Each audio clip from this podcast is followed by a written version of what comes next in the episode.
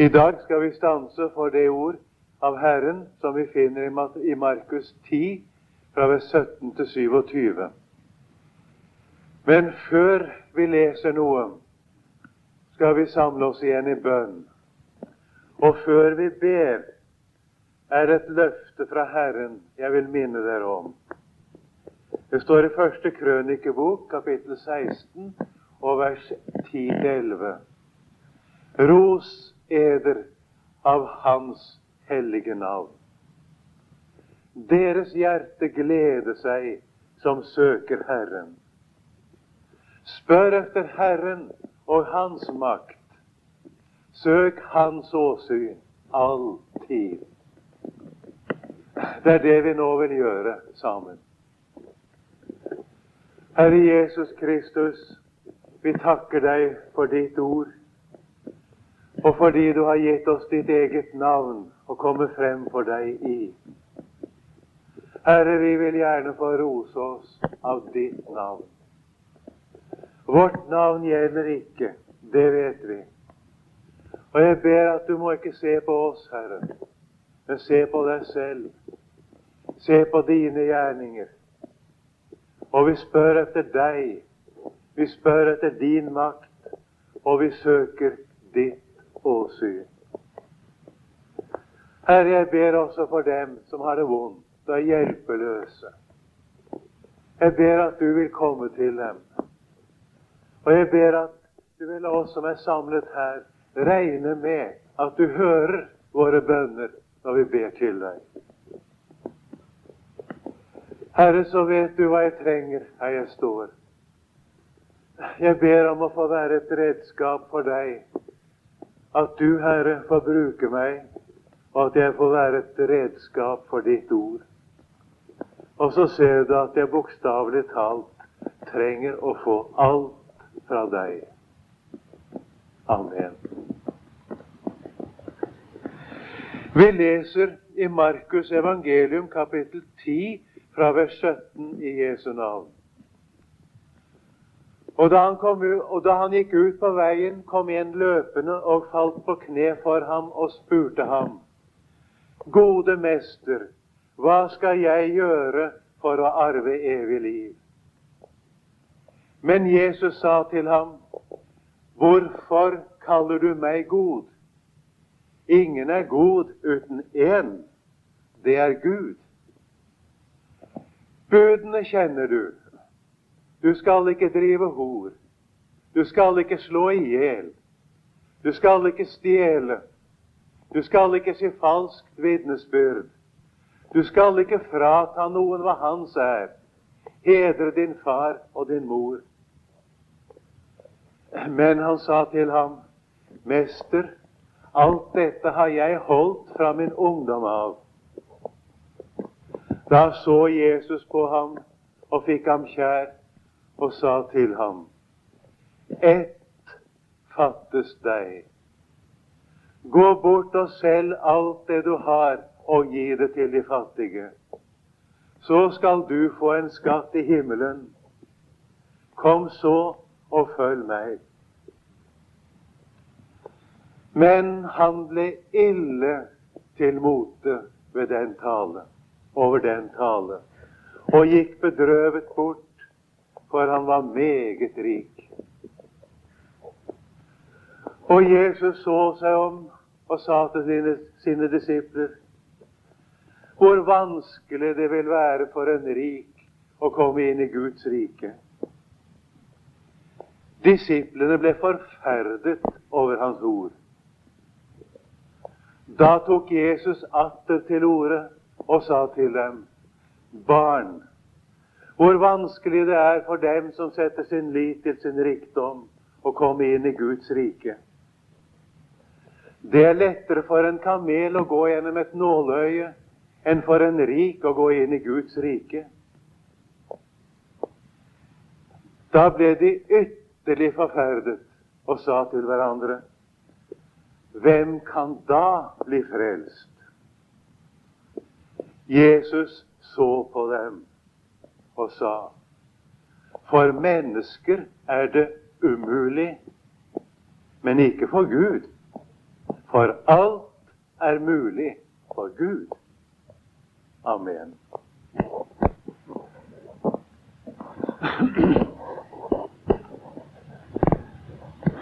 Den mannen som kom til Jesus den dagen, var ikke noen vanlig mann. Du kan se det hvis du leser de forskjellige beretninger. Kan du finne ut hvem han er. Han kommer ivrig. Han kommer løpende, står det. Han kommer løpende og kaster seg på kne for Jesus. Det er altså noe om å gjøre for denne mannen. Det er en ung mann. Det vet vi. Og så hører vi at han er meget rik. Og meget rik etter datidens forhold. Det vil si at de er meget rike på virkelige verdier. Det var ikke pengesedler, men det var reelle verdier. Og det representerte en meget stor formue. En formue som meget få mennesker har i vår tid. Og så er det en ting til. Denne unge mann er rådsherre. Han er en av folkets autoriteter, altså medlem av Det høye råd. Han er en meget eksemplarisk mann. Han har levd et høyverdig moralsk liv. Han er en fremtredende mann i Israel. Han er en mann som man med rette ser opp til, og en mann som man regnet med. Hva tror du man ville si i dag om en slik mann kommer løpende til en sjelesørger og kommer med et slikt spørsmål? Hva skal jeg gjøre for å arve evig liv? I dag vil jo spørsmålet lyde litt annerledes. Han sier jo i dag Hva skal jeg gjøre for å bli en kristen? Mange ville si at det er storartet at en mann kommer på den måten. Og en slik mann det må bli meget verdifullt for kristendommens sak, som man pleier å kalle det. Tenk en rik mann, og en mann med slik innflytelse. En mann i en sånn høy stilling i samfunnet. Jesus sa ikke noe av det. Han kommer med et spørsmål, men før han kommer med spørsmålet, har han en tiltale. Gode mester. Og det første Jesus er, er å ta fatt i den tiltalen. Og han spør ham, 'Hvorfor kaller du meg god?' Ingen er god uten én. Det er Gud. Hvorfor spør Jesus ham om det? Det ligger noe bakom det spørsmålet. Jesus spør, 'Fatter du hvem jeg er?' Det er bare én som er god, og det er Gud. Har du fattet at jeg er Gud? Har du virkelig skjønt hvem jeg er? Det ligger bakom Jesus' spørsmål. Jesus mente at de som leste Det gamle testamentet, de kunne vite at Guds sønn skulle bli menneske. Og Jesus bebreidet de religiøse autoriteter i Israel at de ikke skjønte det når de leser Det gamle testamentet. Og Jesus ville bebreidet oss i dag også at ikke vi har forstått det ut fra Det gamle testamentet. Jesus spurte dem en dag Du kan lese om det i Matteus 22. Hvorfor, hvorledes kan David i ånden kalle ham Herre, Messias, når han er Davids sønn? Og svaret er jo ganske enkelt. Davids herre skulle bli Davids sønn. Han som David kaller herre, han skulle komme inn i menneskeslekten i Davids ett. Det er det eneste svar som vi kan gi på det. Det svaret, det så de ikke, og det ville de ikke se. Nå prøver Jesus denne unge mannen. Han spør ham, 'Hvorfor kaller du meg god?' Har du virkelig fattet hvem jeg er? Men det har han altså ikke. Så sier Jesus til ham, Budene kjenner du. Du spør hva du skal gjøre for å arve evig liv. Vel, budene kjenner du. Du skal ikke drive hor. Er det sjette bud. Du skal ikke slå i hjel. Er det femte bud. Du skal ikke stjele. Det er det syvende bud. Du skal ikke frata noen hva hans er. Der refererer seg til det tiende bud. Hedre din far og din mor. Det er det fjerde bud. Jesus refererer til disse som eksempler på bud som han kjenner. Og så sier den unge mann, 'Mester, alt dette har jeg holdt fra min ungdom av.' Han hadde innrettet sitt liv etter disse budene. Og han mente altså selv at han hadde holdt disse budene. Og Jesus skjønner at det er om å gjøre for ham. Og han ser på ham, og han fatter en særlig kjærlighet til ham. Han så Jesus på ham og fikk ham kjær. Og Jesus vil hjelpe ham. Og så sier han ett fattes deg. Det er én ting som det strander på med den unge mannen. Gå bort, selg alt det du har, og gi det til de fattige. Kom så og følg meg. Han sier først så skal du få en skatt i himmelen. Kom så og følg meg. Da ble han ille til mote, denne unge mannen. Han var meget rik. Han greide ikke det å selge alt det han har, og gi det til de fattige. Før vi ser litt nærmere på dette, så skal vi være klar over at det som Jesus ber denne rike unge mannen om, det hadde Jesu disipler gjort. Du kan se i det som følger, at Peter sier til Jesus, 'Herre, vi har forlatt alt og fulgt deg, hva skal da vi få? Og Jesus svarer, dere skal i dommen når menneskesønnen kommer igjen, eller han sier i gjenfødelsen når menneskesønnen kommer igjen.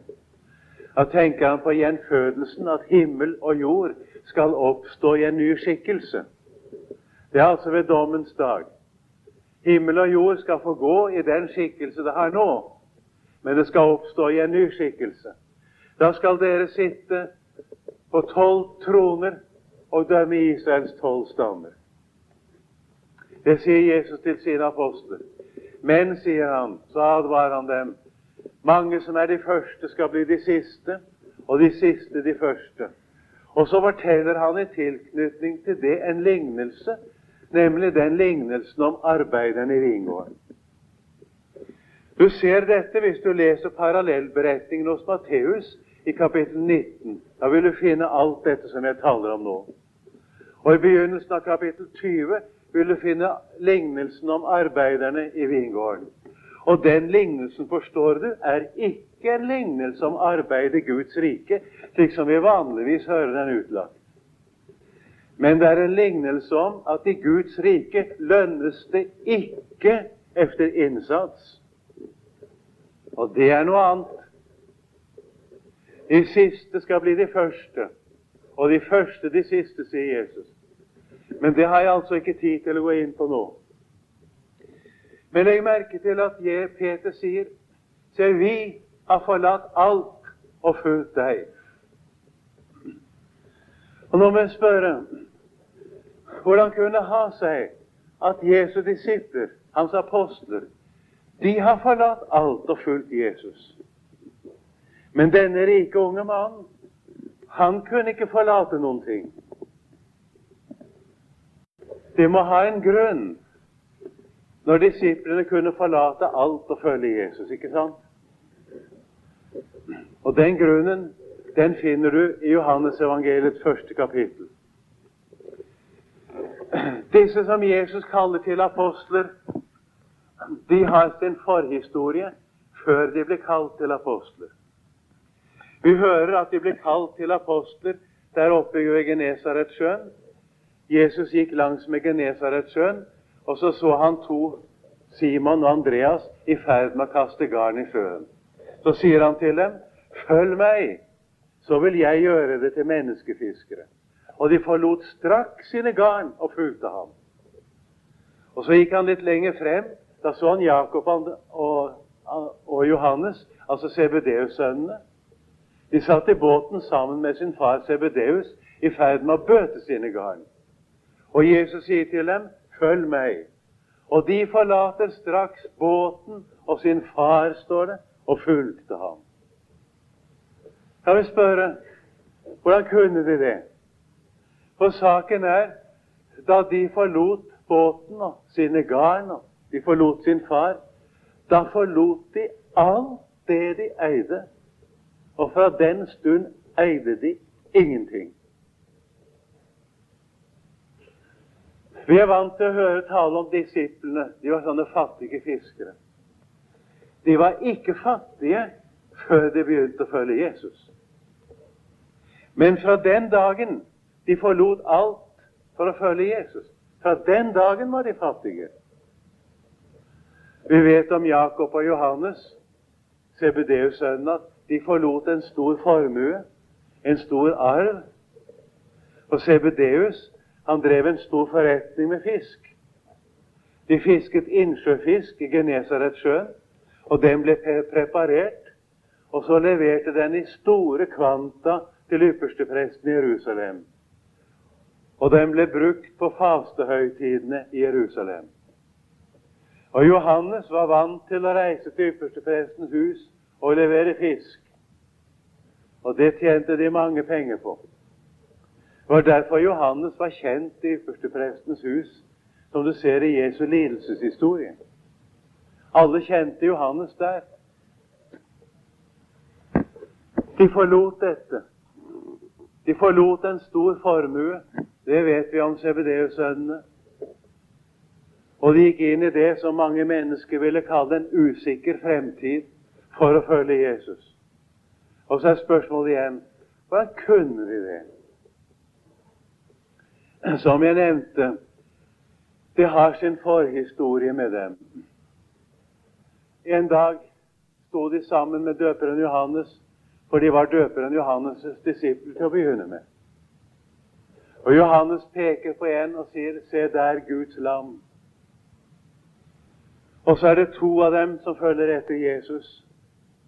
Det er Johannes og Andreas. Og Jesus snur seg og spør dem, 'Hva vil de?'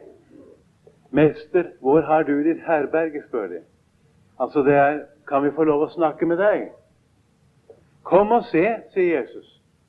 Og de ble hos ham den dag.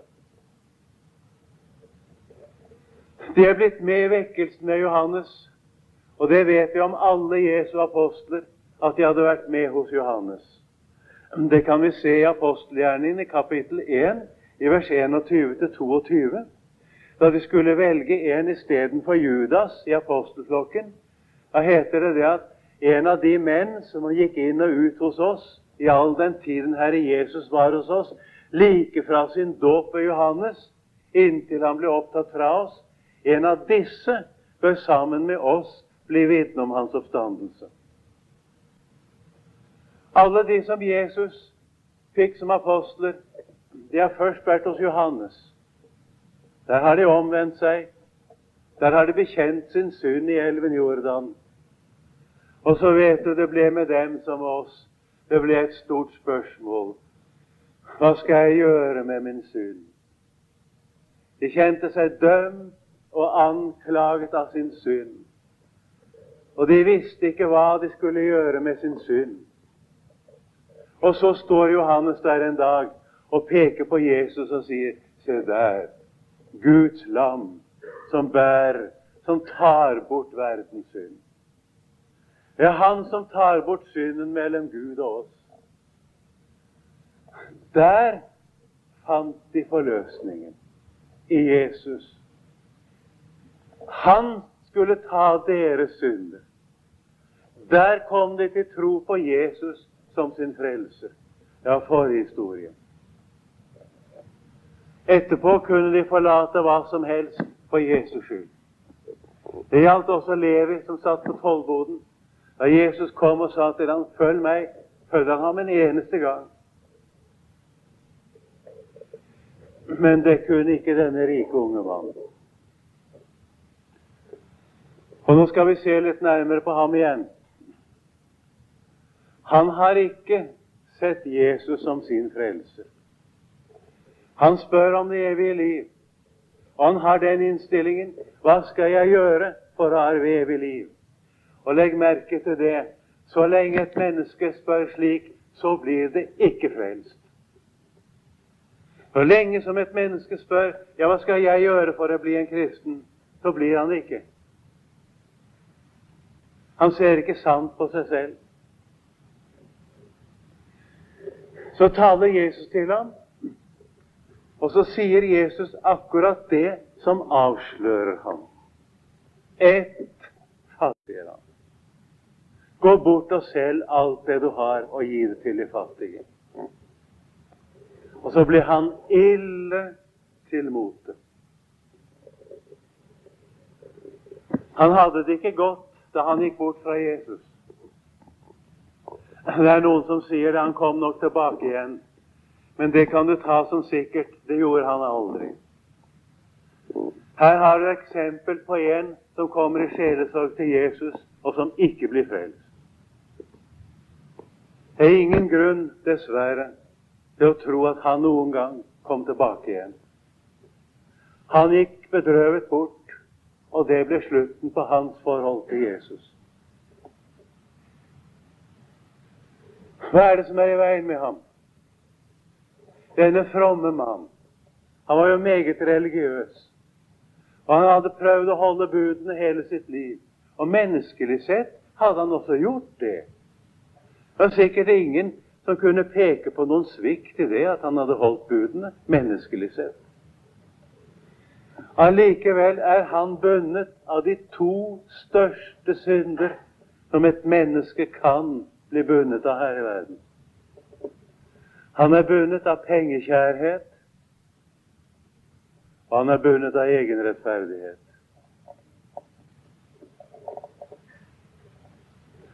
Det er alvorlig Hør hva Jesus sier. Han går bedrøvet bort.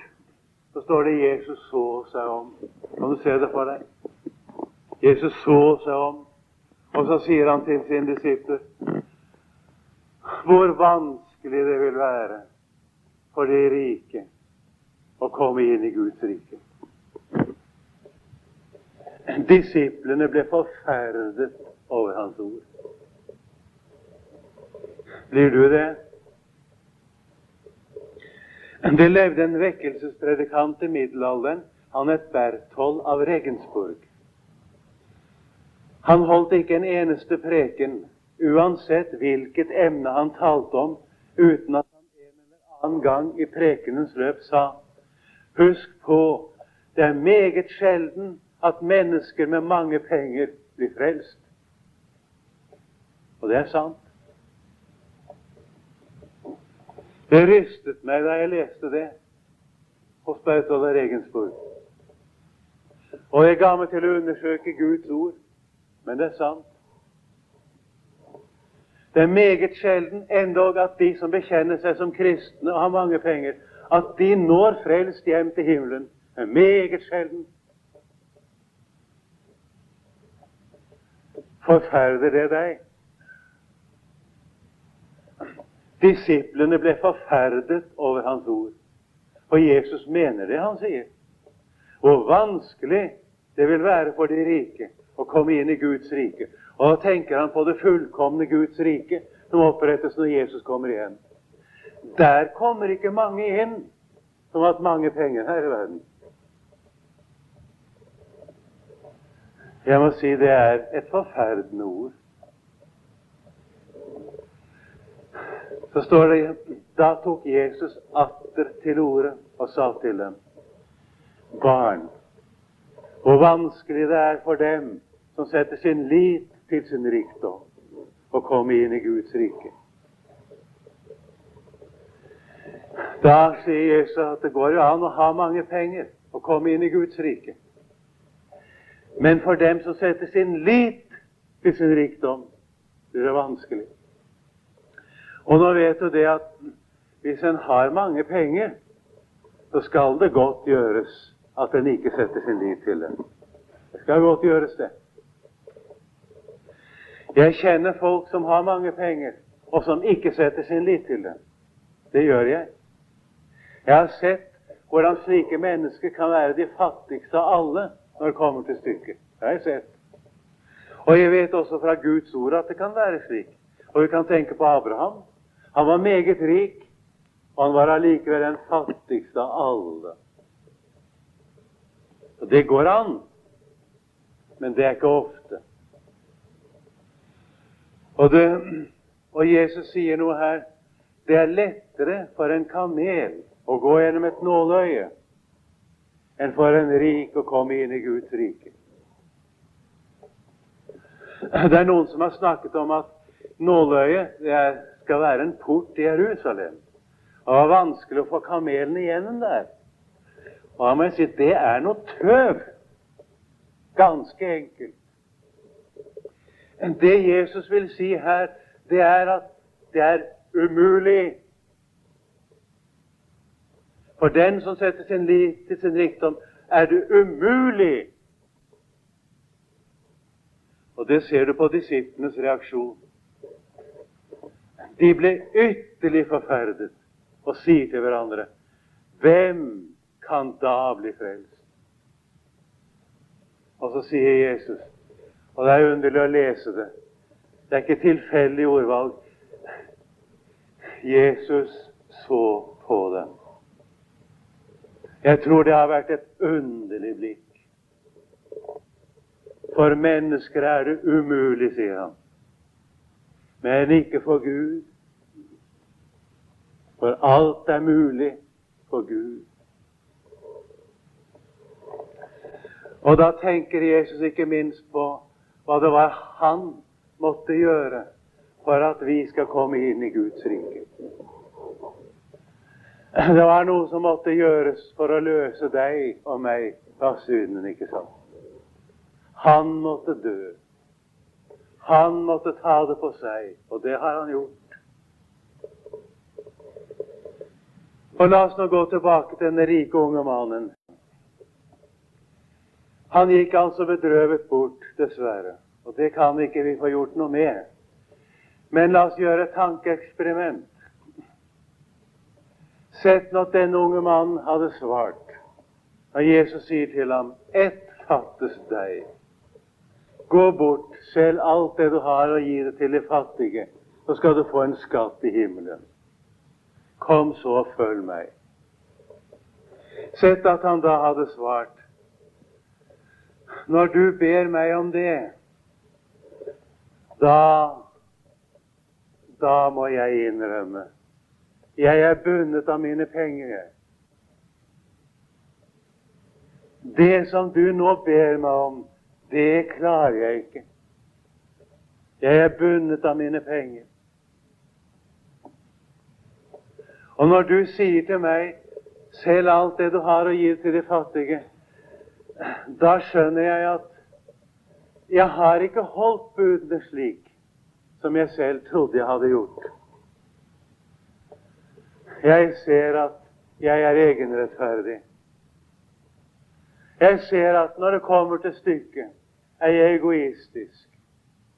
Jeg er ond tvers igjennom. Jeg er bundet av mine penger. Her står jeg, og det du ber meg om, det greier jeg ikke. Hvordan tror du det hadde gått hvis denne rike unge mannen hadde svart slik. Da hadde han blitt frelst. Da hadde han kommet til Jesus slik som han er. Men da, vet du, da hadde det blitt slutt på det spørsmålet som han begynte med. Han begynte med å si, 'Hva skal jeg gjøre for å arve evig liv?' Hvis han nå hadde bøyd seg for sannheten, og hvis han hadde sagt som det var Det du ber meg om, det verken kan jeg eller vil jeg. Jeg er ond. Jeg er egoistisk. Jeg er ikke den som jeg selv har trodd at jeg er. Sannheten om meg, Herre, er at jeg kan intet gjøre for å arve evig liv. Jeg trodde jeg kunne det. Men når du ber meg selge alt, da ser jeg jeg kan ikke gjøre noe for å arve evig liv. Da ville han fått det evige liv. Jeg tror Jesus ville at han skulle selge det han hadde, og gi til de fattige. Nå forstår at under datidens forhold er det litt annerledes enn om du hadde sagt det samme til en mann i dag. Du kunne ikke si til en mann i dag at han skulle selge alt han har og gi til de fattige, og, og gjøre seg husløs og alt mulig. Det ville ikke Jesus ha gjort. Ikke på den måten. For vi må se dette i lys av det den tids forhold. Han ville få alt det han trengte til daglig liv ved å følge Jesus. For det fikk alle disipler som fulgte en rabbiner. Og det fikk også Jesu disipler da de fulgte Jesus. Hele sitt livsopphold fikk de. Så det må vi regne med. Og jeg tror det at Jesus virkelig ville at han skulle solgt det han hadde, og gitt det til de fattige. Og hadde han vært av sannheten, hadde han innrømmet sin synd, så hadde han kommet til å gjøre det Jesus sa. Men ikke for å arve evig liv, men fordi han hadde fått det evige liv. Og nå forstår du Så lenge et menneske spør hva skal jeg gjøre for å bli en kristen, så stenger han seg selv ute. Hvis du er her i dag og du sitter med det spørsmålet, skal jeg si deg en ting. Du ser ikke deg selv. Hva vil du gjøre for å bli en kristen? Kan du si meg det? Hva vil du gjøre? Ja, en må vel i hvert fall ta imot. Ja, ja, det er sant nok, det. Men hvordan bærer det an å ta imot, da? Hvordan går det egentlig til å ta imot Jesus? Er det en prestasjon? Nei, det er det ikke. Hva vil du gjøre? Nei, sannheten er den verken du eller jeg kan gjøre noe for å arve evig liv. Men jeg har heller aldri hørt tale om at noen skal gjøre noe for å arve. Man blir født til en arv. Ikke sant? En arving er født. Har ikke gjort noe for den. Den kommer givendes.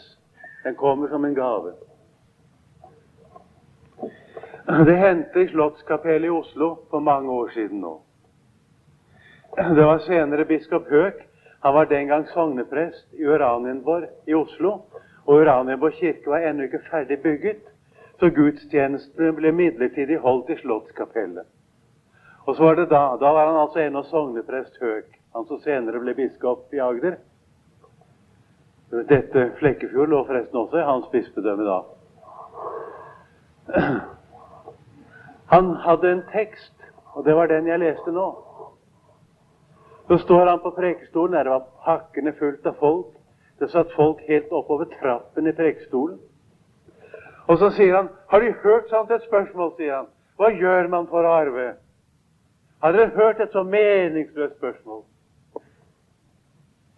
Høyt oppe i den prekestoltrappen satt en teologisk student som ikke hadde fred med Gud.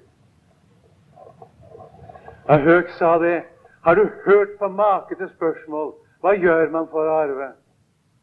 Er ikke lys åpen? Nei, man gjør ikke noe for å arve. Man sier takk. Takk, sier han. Takk, takk, den har jeg fått. Den er meg gitt. Den studenten het Johannes Brandtzæg. Og han var Misjonssambandets leder til han døde i 1931. Det var han som grunnla Framnes på en misjonsskole. Det var han som grunnla ungdomsskolen på Framnes. Og det var han som var misjonens leder. Du kjenner navnet. Han satt på prekestoltrappen i Slottskapellet og hørte seg til frelse da biskop Høeg forkynte. Man gjør ikke noe for å arve. Hva vil du gjøre for å bli en kristen? Ingenting. Det er gjort for 2000 år siden. Det forkynner jeg deg i Jesu navn. Jeg hadde en god venn i Trondheim. Han het Vognmann Hansen. Han hadde vært en ordentlig svirebror før han ble omvendt til Gud. Men han var en kristen i mange år. Og det er ikke så lenge siden han gikk hjem til Herren. Og vi måtte jo legge merke til ham, for han var av den sorten som akkompagnerte oss når vi talte. Ja, sånn, ja, sånn. Det er festlig å ha slike forsamlinger. Og dere var litt for stilt her i grunnen. Dere kunne godt si litt halleluja og sånn. Det gjorde jo ikke noe, det. Hvis det var naturlig for dere, da, vel å merke. Det har ikke skadet det minste. Du bør ikke sitte akkurat som vi skulle være støtter og statuer. Det gjør ingenting. Ja, ja. Han uh, hadde virkelig opplevd frelsen, Magnan Hansen. Så kjørte han i Kongens gate i Trondheim. Og så så han tvers over gaten en av sine tidligere svirebrødre. Og denne svirebroder, den får jeg si den forhenværende svirebroder, han har selv fortalt meg dette, som jeg forteller dere nå. Han roper tvers over gaten til navnet hans og sier han, 'Er du frelst?' sa han. Jeg får se til å få det til få blitt det, da, sa han. Å, nei, for det nytter ikke, det, sa han. Det nytter ikke. Å nei, for det er gjort for 2000 år siden, det, far, sa han. Han som dette ble sagt til, og som altså har fortalt meg det, han sa at det fulgte meg hele dagen. Det nytter ikke, det er gjort for 2000 år siden. Om ettermiddagen så gikk det opp for ham Jesus har frelst meg. Jeg har gjort det. Takk og lov og pris. Han gjorde ingenting. Han fikk arven. Selve det spørsmålet der Hva skal jeg gjøre? Det hindrer et menneske å få det. Ser du ikke det? Og legg merke til vi har flere eksempler i sjelesorg hos Jesus på dem som kommer med dette spørsmålet.